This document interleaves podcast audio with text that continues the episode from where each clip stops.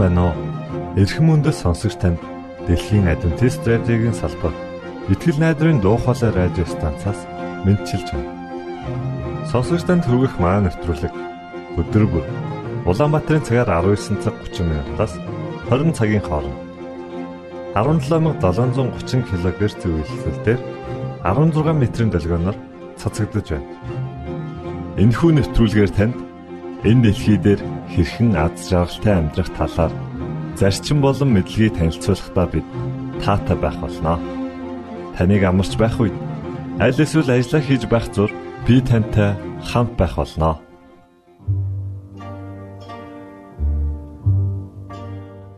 Өнөөдрийн дугаараар та бидний эрүүл мэнд юу бодож байгаатай маань холбоо хамааралтай юу гэдгийг олж мэдэх болно харин уран зохиолын цагаар Арчи хүүгийн багын мөрөөдөл түүний гэр бүлийн хүмүүс хэн байсан мөн түүний амьдралын талаар хамтдаа сонсох болно.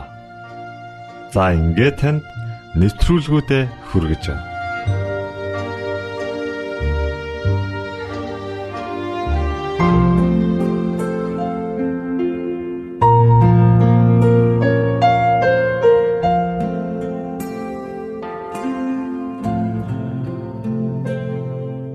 Эрхэм баян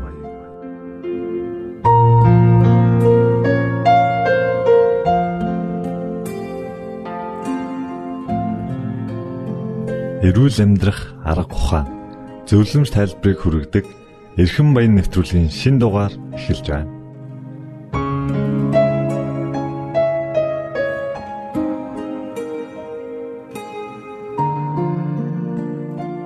Ингээд танд Монголын адвентист чуулганы эрүүл мэндийн хэлтсийн захирал болох энх баяртай хийсэн ажиллахыг хүргэж байна. Дасгал хөдөлгөөн гэдэг маань хүний амьд оршиход маш чухал нэгэн зүйлийн нэг л дээ. Яагадгүй л хүмүүс тэр чигээрээ хөдөлгөөнтэй байдаг. Хөдөлгөөнгүй байх гэж байхгүй. Жишээл би би одоо би ингээд сууж байна гэхэд сууж байгаа мөчид би хөдөлгөөнгүй мэт боловч миний бүхэл эдээс эргэтэн систем тэр чигээр хөдөлж байгаа. Хоол боловсрол зам маань гөрүүлж байна. Цус маань урсаж байна. За ингээд эс дотор байгаа эсийн хөдөлгөөнүүд байнгын хөдөлгөөнтэй оршиж байгаа. Тэгэхээр бурхан хүнийг бүтээхдээ зүгээр нэг хөдөлгөөнгүйгээр бүтээгээг байх нь хөдөлдөг, явдаг, хөдөлмөрлөлтөөр бүтээсэн. За дасгал хөдөлгөөн гэдэг маань цэгцтэй бас системтэй байх хэрэгтэй байдаг. Тэгэхээр хүн маань өөрөө амьдралын хэм маяг нь хөдөлгөөнтэй ажил хийдэг амьдралын хэм маягтай бас байж болох юм л та тий. Өглөө босоод ногоо тариагаа тарьдаг. Энэ хүн бол байнгын дасгал хийж гэнэ гэсэн үг. Тэр хүнд би өглөө гүөх ёстой, булчингийн дасгал тэдэн одоо тэдэн минутаар тэдэн удаа хийх ёстой гэдэг зөвлөгөө бол илүү зөвлөнө. Тэгэхээр тухайн хүний өөрийн амьдралын хэм маягаас болон ажил хөдөлмөрөөр шалтгаалаад хүн тодорхой хэмжээний хөдөлгөөн хийж явах хэрэгтэй байна. Малчин хүн байлаа гэхэд би тэр хүнд өглөөд дугуй 15 минут жи гэж зөвлөгөө өгвөл инээдтэй тийм үү? Тэрнчлэн а сумга сүүлийн үед нөө хотчсантай холбоотойгоор хүмүүс аяг сумга болж байна л да. Ажил маань дандаа суудаг. Гэрээсээ гарлаа, машиндаа суугаад ажилдаа очиод 10-аас 20 м алхаад ажилдаа ороод суулаа. За тэгээ ажил дотор нэг өдөртөө 100 м хүрэхгүй л алхам ингээ буцаад машиндаа суугаад гэртээ хараад гэрлүүгээ лифтээр ороод ингээд гэртээс диван дээр сууч. Энэ бол үнэхээр аюултай амьдралын хэм маяг. Сүүлийн үед бол ер нь амьдралын хэм маяг хөдөлгөөнгүй буюу sedentary болж тусч байна. Ингэснээр үүнтэй холбоотойгоор хөдөлгөөнгүй байсантай холбоотойгоор өвчлүүд их үүсдэг.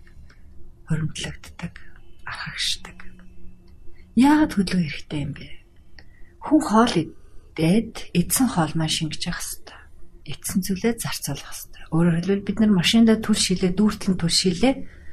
Машин хөдөлгөөнгүй байгаад бол түлш хөдлөхгүй байгаад. Явхаар түлшээ зарцуул. Яг үнтэй адилхан эдэж усан хоол маань одоо шингэж явах хэрэгтэй. Үүнийг шингээхин тулд бид нар хөдлөх хэрэгтэй байна. Зарцуулах хэрэгтэй байна, тийм ээ. Тэгэхээр өдөрт хүн 1000 800 орчим илчлэг авлаа гэж үү. Яг хоо эрэгтэй эмэгтэй хүн хүүхэд ялгаатай л да би дунджаар ярьж байгаа шүү дээ тийм ээ 1800 орчим килкалар буюу илчлэг авлаа гэхэд эндээ тохирсон хөдөлгөөн хийж явах хэрэгтэй байх нэ. Үүнийг шатаахын тулд хэр их хөдөлмөрлөх вэ? Хэр их алхах вэ? Хэр их дасгал хийх вэ гэж одоо гэдгийг бас бодож үзэх. Би ингээд сууж хахад тодорхой хэмжээний калориас ялгаруулж байгаа. Огт хөдөлгөөнгүй гэж биш шүү дээ тий. Илчлэг бол тодорхой хэмжээгээр зарцуулагдчихж байгаа. За 5 км алхлаа гэхэд өдөрт хүн энэ нь болохоор 100000 алхам гэж үзэж байгаа л да. Японы эрдэмтдийн гаргасныг судалгаа хийдэг л да. Хүн өдөрт өөрийнхөө эрүүл мэндэд мэндийг яг байгаа төвшөнтэй бариад биеийн жингээ яг энэ байгаа төвшөндө хадгалъя гэх юм бол өөрийгөө одоо энэ хэмжээнд хадгалъя гэж бодох юм бол өдөрт 100000 удаа алхаж алхам хийжээ гэж байгаа. 100000 алхам маань ойролцоогоор 5 км болж байгаа л да. Тэгэхээр 5 км гэдэг маань төрөний миний ярьсан амьдралын хэмээгт өглөө ажилдаа унаагаар яваад орой буцаад унаагаар харьдаг хүнд бол маш хүнд байгааз 5 км буюу 100000 степ буюу 100000 алхам хийхэд тэгэхээр энэ хүн яг нь илүү цагаар цаг зарцуулж дасгал хөдөлгөөн хийх шаардлагатай болох нэ. За ингээд хүний ачаалал авах чадвар өөр өөр гэдэг учраас хамгийн доод хэмжээнд тогтоож өгдөг л та. Гэтэ одоо сонсогчдын дунд маань маш их идэвхтэй хөдөлгөөнтэй дасгал хийдэг, байнгын хөдөлгөөнтэй байдаг хүмүүс байж болох юм. Аа бас түрүүний миний хэлсэнчлэн хөдөлгөөн багтаа амьдралаар амьдардаг, тим хэв маягт орцсон ажил болон амьдралын нөхцөл байдал нэгдсэн хүмүүс бас байж болох юм. Тэгэхээр хамгийн доод хэмжээ маань 7 хоногийн 4 өдөр хамгийн доод нь 30 минутаар хүн дасгал хийхэд одоо хамгийн доод хэмжээ буюу те нэг чатлаг ханх ус төвшөнд хүрч байна гэж. Инээс доошоо байгаа бол жишээлбэл та 7 хоногт 4 удаа дасгал хийдгүү нэг удаа ихтэй 30 минутаар хийдгүү бол таны эргэлгэнд маш их эрсдэлтэй гэсэн. Өөрөөр хэлбэл та эдэж уусан зүйлээ шингээж чадахгүй байгаа учраас тэр зүйл зөөр шингэж задарч бидээ хүрч чадахгүй учраас танд өвчний улс суурийг үлдээсэн а дээрээр юм бол илүүдл илчлэг буюу арьс махны засвар, арьс булчингийн засвар үлдээж байгаа өөхөн давхаргыг зузаална гэсэн үг. За тэгэхээр хамгийн доод хэмжээг ойлгочлоо бас өдөрт 100000 алхалт хийдэг маань бас доод хэмжээ гэж ойлгоо тийм үү. Тэгэхээр энд та хүрэхгүй бол таны амьдралын хэм маяг ямар байна вэ? Үнэхээр залах уу хөдөлгөөнгүй төвшөнд байна л гэсэн үг байна. 100000 алхам хийн гэж 5 км тийм. Энэ 5 км маань тэр 30 минутад орох уу тэр дасгал хийх 7 хоногийн 4 өдөр За оруулж болно. Яг л өдөр болгон 5 км алхаад байх юм бол энэ 45 орчим э, хугацаа минут хугацаа зарцуулна. Яг тухайн хүнээсээ шалтгаан л хурдан удаа алхаж байгаасаа яг 45-аас 1 цагч алхаж болно зарим хүн. 5 км-ийг 1 цаг алхадаг ч хүн байж болно. Тэгэхээр энэ маань өдөр болгон 7 хоногийн 4 өдөр ингээ алхачих юм бол энэ хүн яаж вэ? Нормо барьж байна л гэсэн. Тав болчих юм бол нормоосоо харин зөв эрүүлжүүлэх төвшөнд шилжиж байна гэж ойлгож болох юм. 30 минут дасгал хийнэ гэж байна тийм үү. Тэгэхээр бид нэр алхаж болох юм байна тийм 30 минут. Алхахаас өөр дасгал хөдөлгөөн гэдгийг бид нар бас юу гэж ойлгож болох вэ? За 30 минутын дасгал хөдөлгөөн маань хамгийн бага түвшин гэж биелсэн тийм ээ. За алхах гэдэг маань одоо хамгийн энгийн дасгал. Өөрөөр ажилдаа алхаад ирэх. 3 өдөрт 3 км ажлынхан зай чинь 2 км авах юм бол эртхэн гараад алхаад буцаад ирэхэд 4 км алхачлаа гэсэн. 1 км нь бусад байдлаар алхаж болно. Шатаар явах ч юм уу, лифтээр явахгүй ч юм уу те. За дээрэс нь а 30 минутад хийх дасгал маань өөр энэ дасгал хийж чадаагүй бол одоо мэдээлэл технологийн эрүүл үед амьдарч байгаа бид нар зургатаа зургатаар YouTube-ээр дасгалууд байгаа. Арабикийн болон бусад биеийн дасгалууд хөнгөвчсөн дасгалууд байгаа. Хийчих болж штэ тийм ээ хараад зогсож байгаа 30 минут. Тэгэхээр дасгалыг системтэй хийнэ гэдгийг би түрүү ихэндээ хэлсэн. Яагтвэл дасгал хийн гэдэг маань тогтмол цагт хийх юм бол би яг тэр цагтаа бэлэн болдог. Өөрийгөө бэлтгэдэг байна. Өглөө босоод 6 цагт би дасгал хийнэ гэсэн тохиол байх юм бол 6 цагт би өглөө босоход миний дасгалд бие халах хэрэгтэй эхлээд за тэгэд а аэробикийн хэсэг буюу одоо гүөх буюу өсрөх те одоо агаар их төлхөө хэрэглэсэн дасгал байна даслыг хоёр бодголд aerobic, anaerobic гэдэг. За аэробик гэдэг нь болохоор агаар хэрэглэж байгаа. Зөвхөн ганцхан бүжиглээд байгаа дасгал бол биш байх нь шүү дээ, тийм ээ. Хэрвээ та гүйж байгаа бол өглөө 2 км юм уу 3 км гүйжиж байгаа бол энэ аэробик дасгалд орчиж байгаа. За энэ аэробик буюу нөгөө нөгөө эсрэг нөгөө тал нь болохоор булчин хөгжүүлэх буюу хөдөлгөөн багтаа тэгсээр нэ булчин илүүх одоо тонус өгдөг тийм одоо булчин хөгжүүлдэг. Манайхнаар бол бодибилдингийн ч юм уу те фитнесийн дасгалууд орчих. Хүчний дасгалууд. Аа хүчний дасгалууд гэж ойлгож байна. За энийг зохицуул зохистой хийнэ. Нэг нь давуу болчих юм бол тэмцэрээ алдчих. Тэгэхээр хүн өглөө 30 минутын дасгал хийя гэж бодоход эхний 5 минутанд нь бие халаах нь байна. 5 минут. Бие халаах сонголт гэж бас. А сонголтыг болохоор тий яг бие халаах бол сонголт бас яг үндэ биш юм. Эхлээд бие халаана. Өөрөөр хэлбэл хөдөлгөөнд булчин шөрмсөө бэлтгэж явах хэрэгтэй. Гэхдээ энэ учиргүй сунгаад татаад байгаа юм биш. Огт халаагүй биеийг сунгаж бас болохгүй. Зүгээр хөнгөн хөдөлгөөнүүд байна. Баг зэргийн сонголт шиг хэрнээ хөнгөн учиргүй хүчтэй сунгаж болохгүй тий аа би одоо бие халааж ингээд шууд өвдгөндөө тухайн үргээл эхэлж болохгүй нахана шүү дээ. Толгооноос эхлээд хөлөө хүртлээ аажим хөдөлгөөн хийж бие халаах нь. Энэ бол 5 орчим минут. За ингээд дараагийн 15 минутыг үнэхээр гүйдэг ч юм уу, өсөрдөг ч юм уу хөдөлгөөн шаардсан.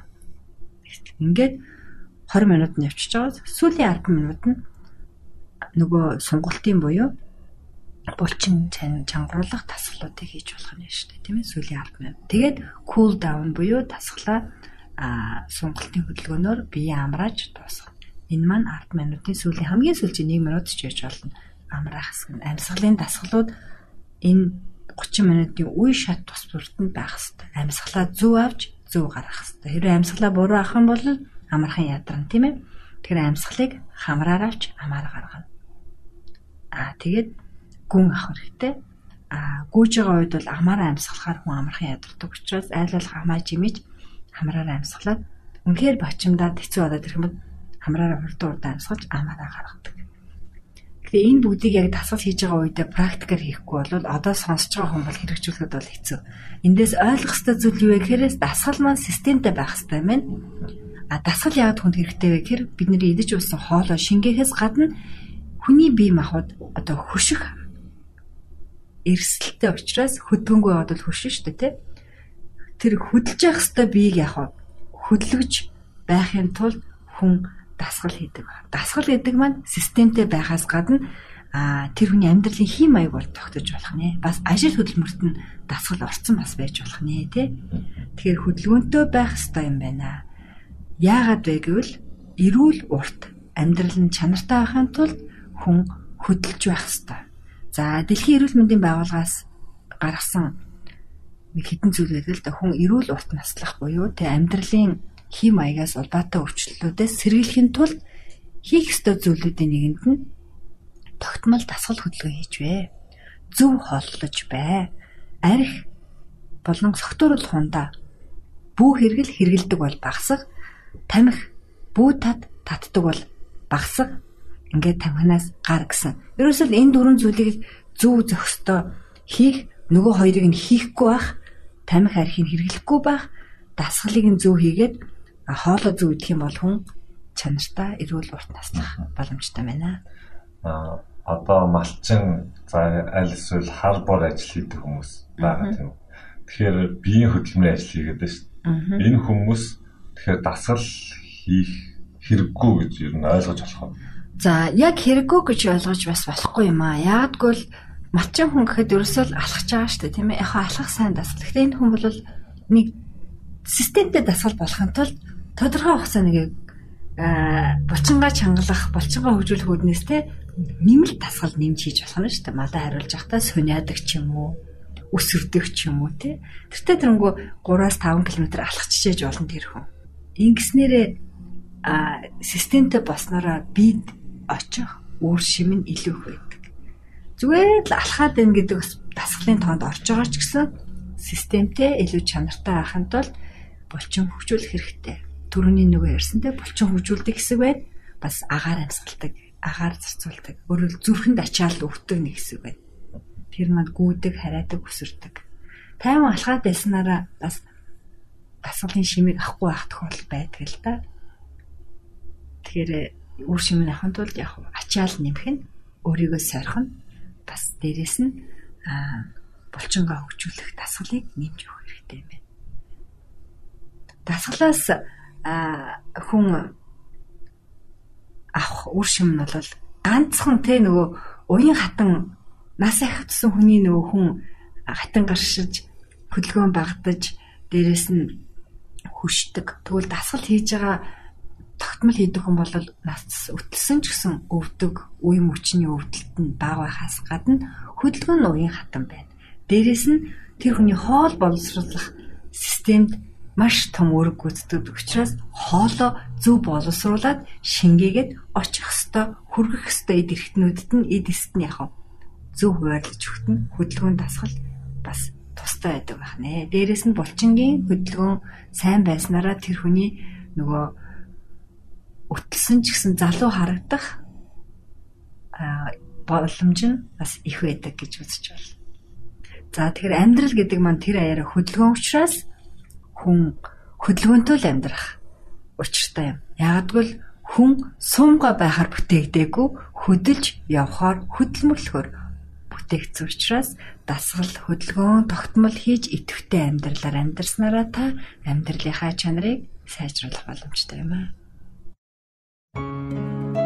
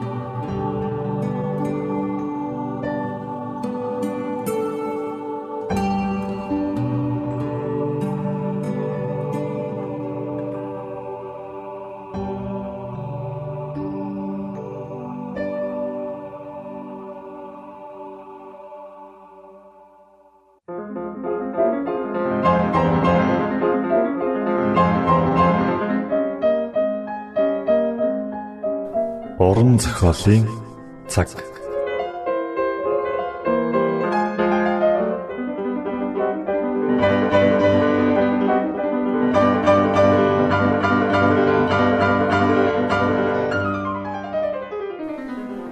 Уран зохиолын цаг нэвтрүүлгийн шин дугаараар уулзж байгаадаа баяртай. Энэхүү булангаараа бид уран зохиол, утга уянга, яруу найргийн өнгө аястай ном тохиомлуудыг сонсогч та бүхэндээ хүргэх болно. Та бидэнтэй хамт байгаарай. Тэн удаагийн дугаараар эцгийн гашуун бэлэг хэмээх арчи хүүгийн тухай гарах номыг сонирдуулах гэж байна. Хөжөндөө артн сонов.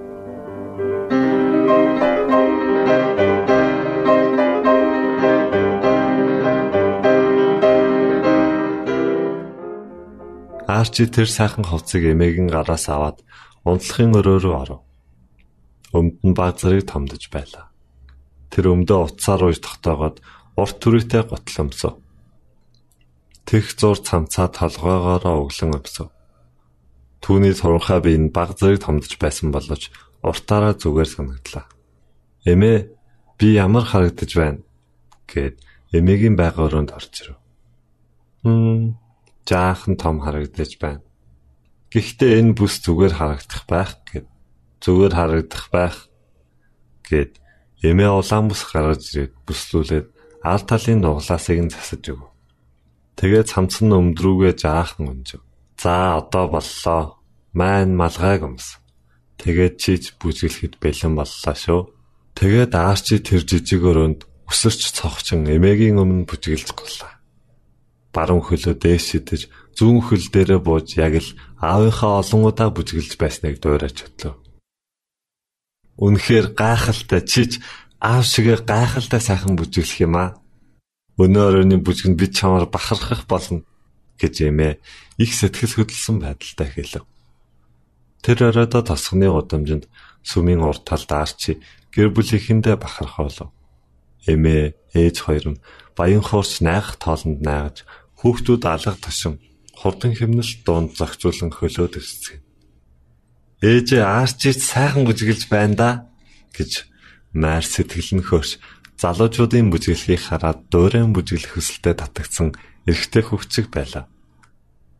Тийм ээ сайхан бүжиглж байгаа биз гэд Марижаны хоёрыг ихэн тэрв.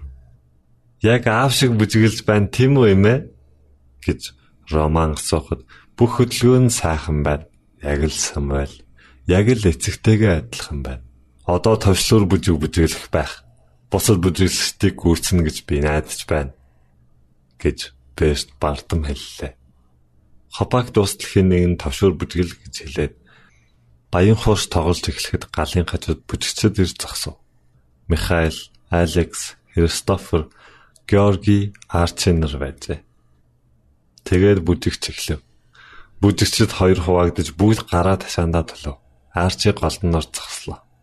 Уурш хөдөлж гараа алдлан хөвжмийн найтай зохицуулан хөлөөдөвслөн бүжиглж эхэллээ. Арчи агаар төвсөрч дахин нэг ирээд баруун хөлөө шидэн зүүн хөл дээрээ буув.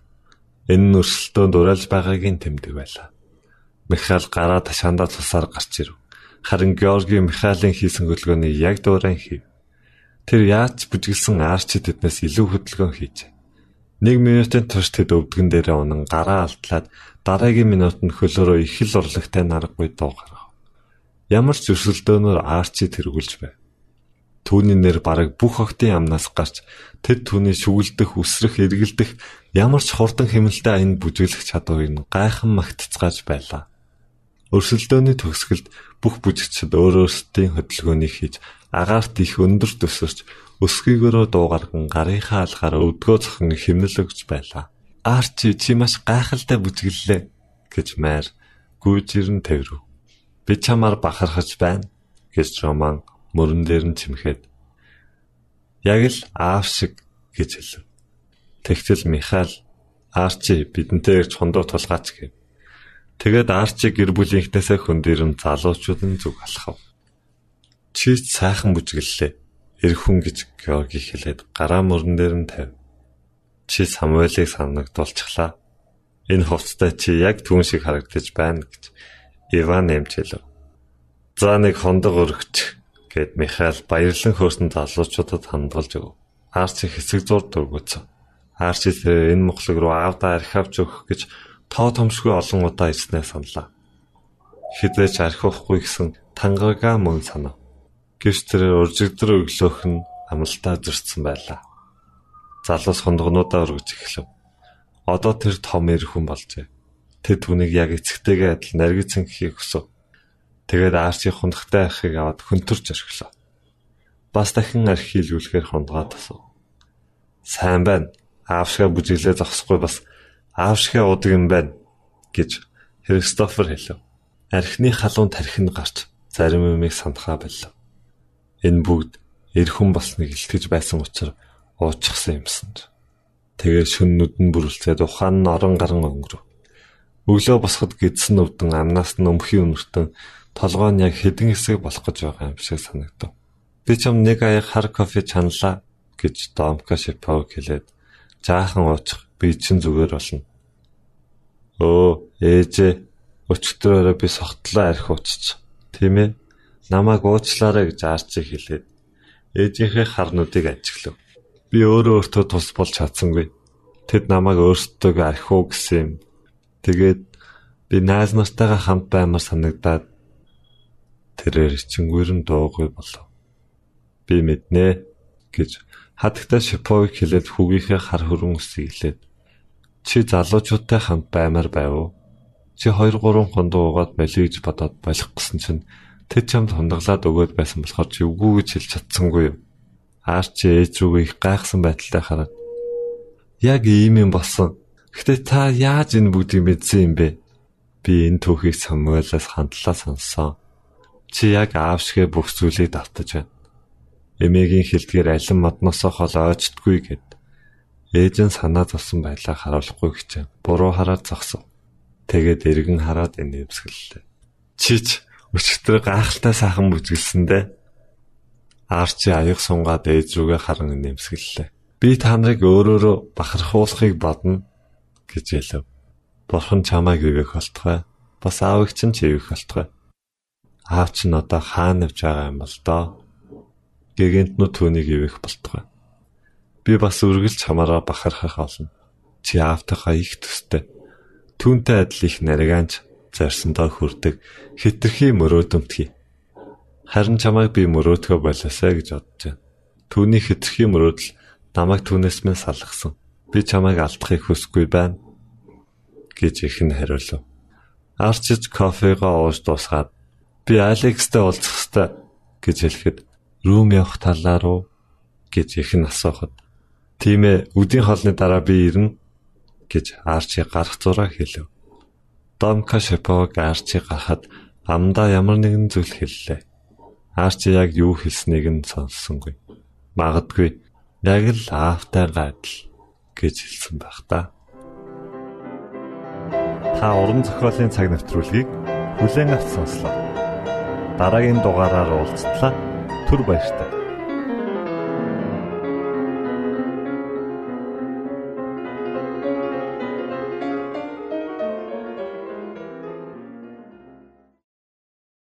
Итгэл найдрын дуу хоолой радио станцаас бэлтгэн хөрөгдөг нэвтрүүлгээ танд хүргэлээ. Хэрв та энэ өдрийн нэвтрүүлгийг сонсож амжаагүй аль эсвэл дахин сонсохыг хүсвэл бидэнтэй дараах хаягаар холбогдорой. Facebook хаяг: Satiin үсгээр Монгол заавад AWR Имэйл хаяг: mongol.awr @gmail.com Манай утасны дугаар 976 7018 24 9 Шуудангийн хаяцаг 16 Улаанбаатар 13 Монгол улс Биднийг сонгонд цаг зав аваад зориулсан танд баярлалаа. Бурхан таныг бивээх болтугай.